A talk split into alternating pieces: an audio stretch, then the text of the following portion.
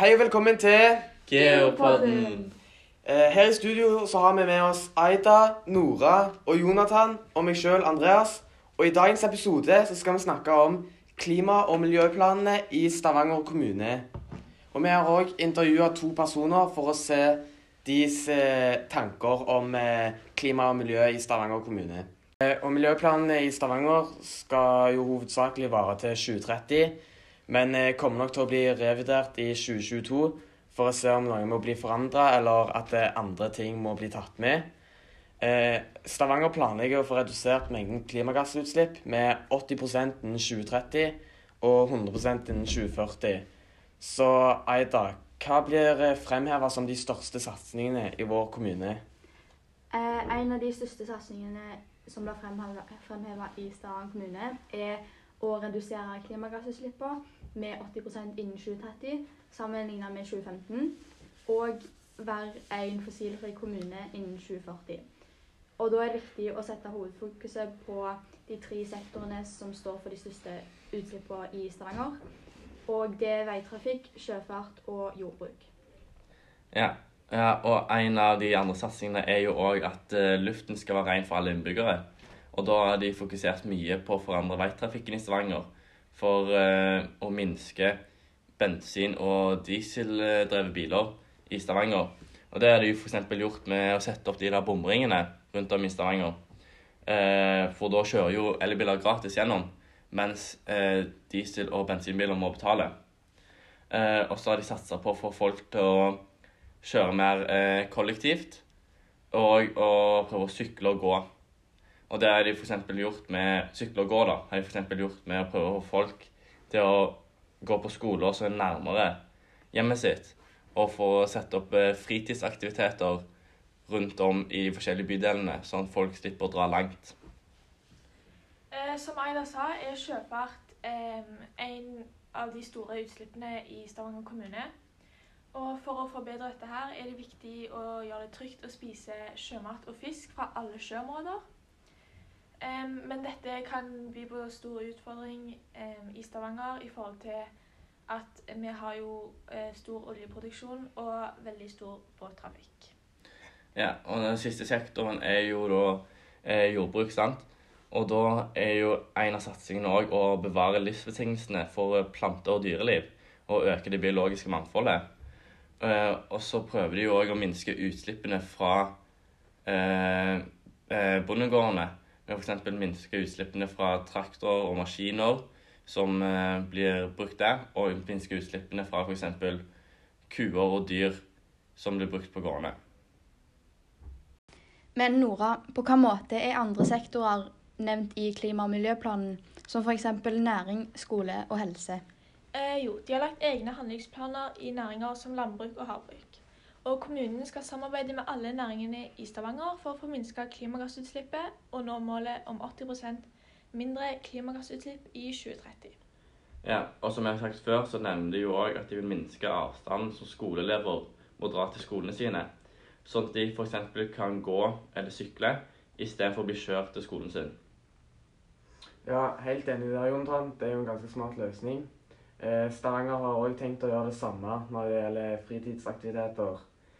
Og Stavanger vil òg lage smarte løsninger når det gjelder parkeringsplasser, for å redusere lengden på bilturer hvis man blir kjørt til skolen eh, eller jobb osv. Eh, Ja.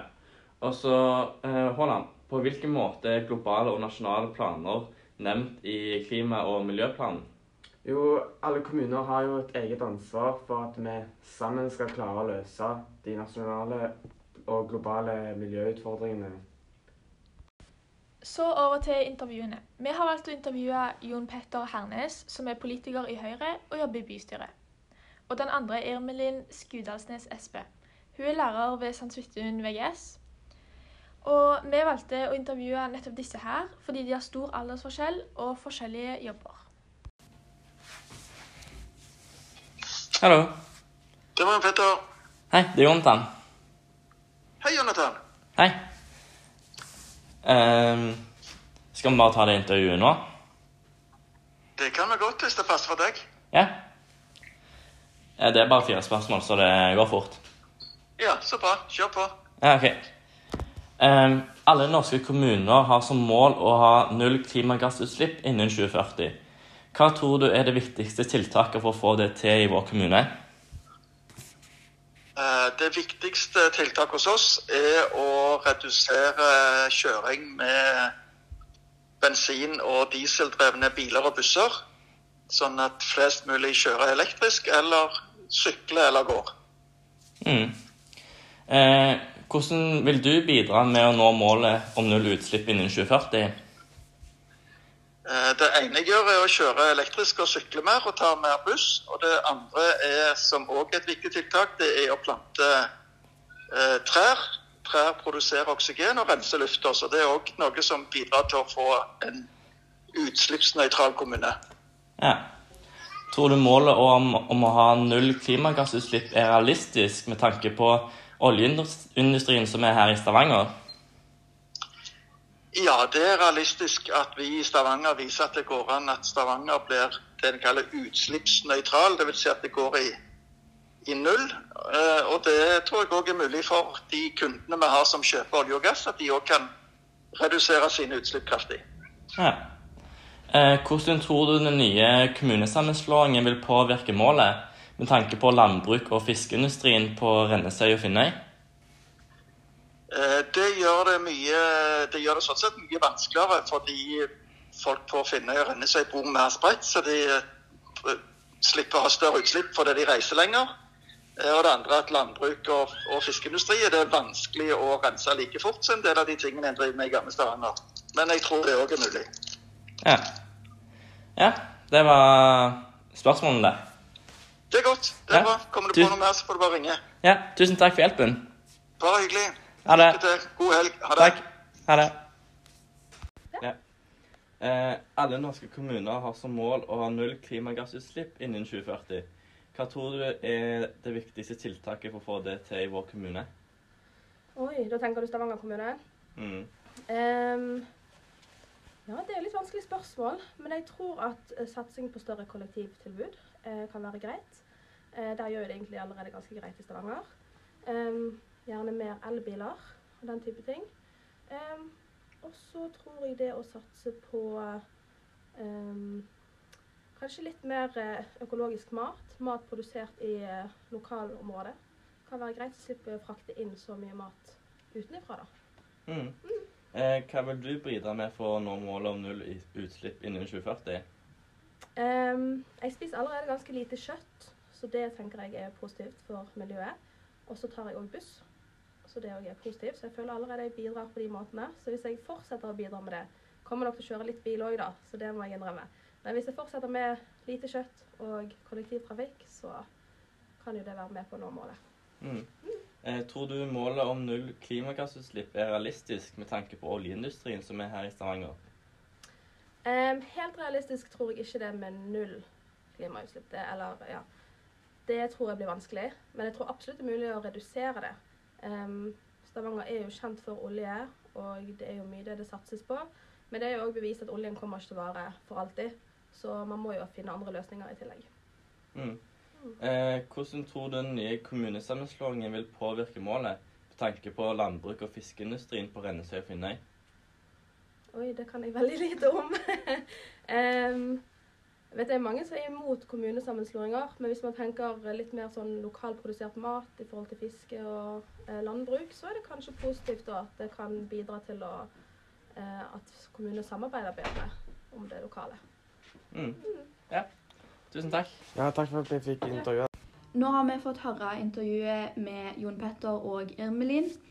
Eh, vi ser at de begge har samme syn på satsingen av å forandre veitrafikken, men at Irmelin òg nevner at kortreist mat òg kan være nyttig. Irmelin bidrar med å ikke spise kjøtt, mens Jon Petter bidrar med å sykle til jobb og kjøre elbil når han skal plass, noen plasser han må kjøre. Eh, hun mener òg at vi bør finne nye energiløsninger knytta til at oljeindustrien eventuelt må bort. Ja, altså Når det gjaldt kommunesammenslåingen, så mente jo Irmelin at, uh, hun, at hun mente at det kom til å være positivt, siden det gjorde det enklere for eh, å kjøpe kortreist mat. sant? Siden det er masse grønnsaker og sånt som kommer fra Rennesøy, f.eks. Mens Jon Petter tenkte det kom til å være krevende. Eh, å nå det der målet om null utslipp innen 2040, med tanke på utslippene fra næringene på Rennesøy og Finnøy. Og alle disse tingene som blir nevnt her, er gode forslag til små ting enkeltmennesket kan gjøre i hverdagen for å hjelpe Stavanger til å nå null klimautslipp eh, innen 2040. Det vi har snakka om nå, er klima- og miljøplanen i Stavanger kommune. Vi har fått to forskjellige personer til å si de, eh, deres synspunkter på miljøplanen. Og de var like på noen områder, eh, men eh, ulike på andre. Det er viktig at vi følger opp denne planen for at vi skal nå målet om en redusering på 80% innen 2030. Så det var denne ukens podkastepisode. Vi håper du koste deg. Og så ses vi igjen i neste episode. Takk for oss.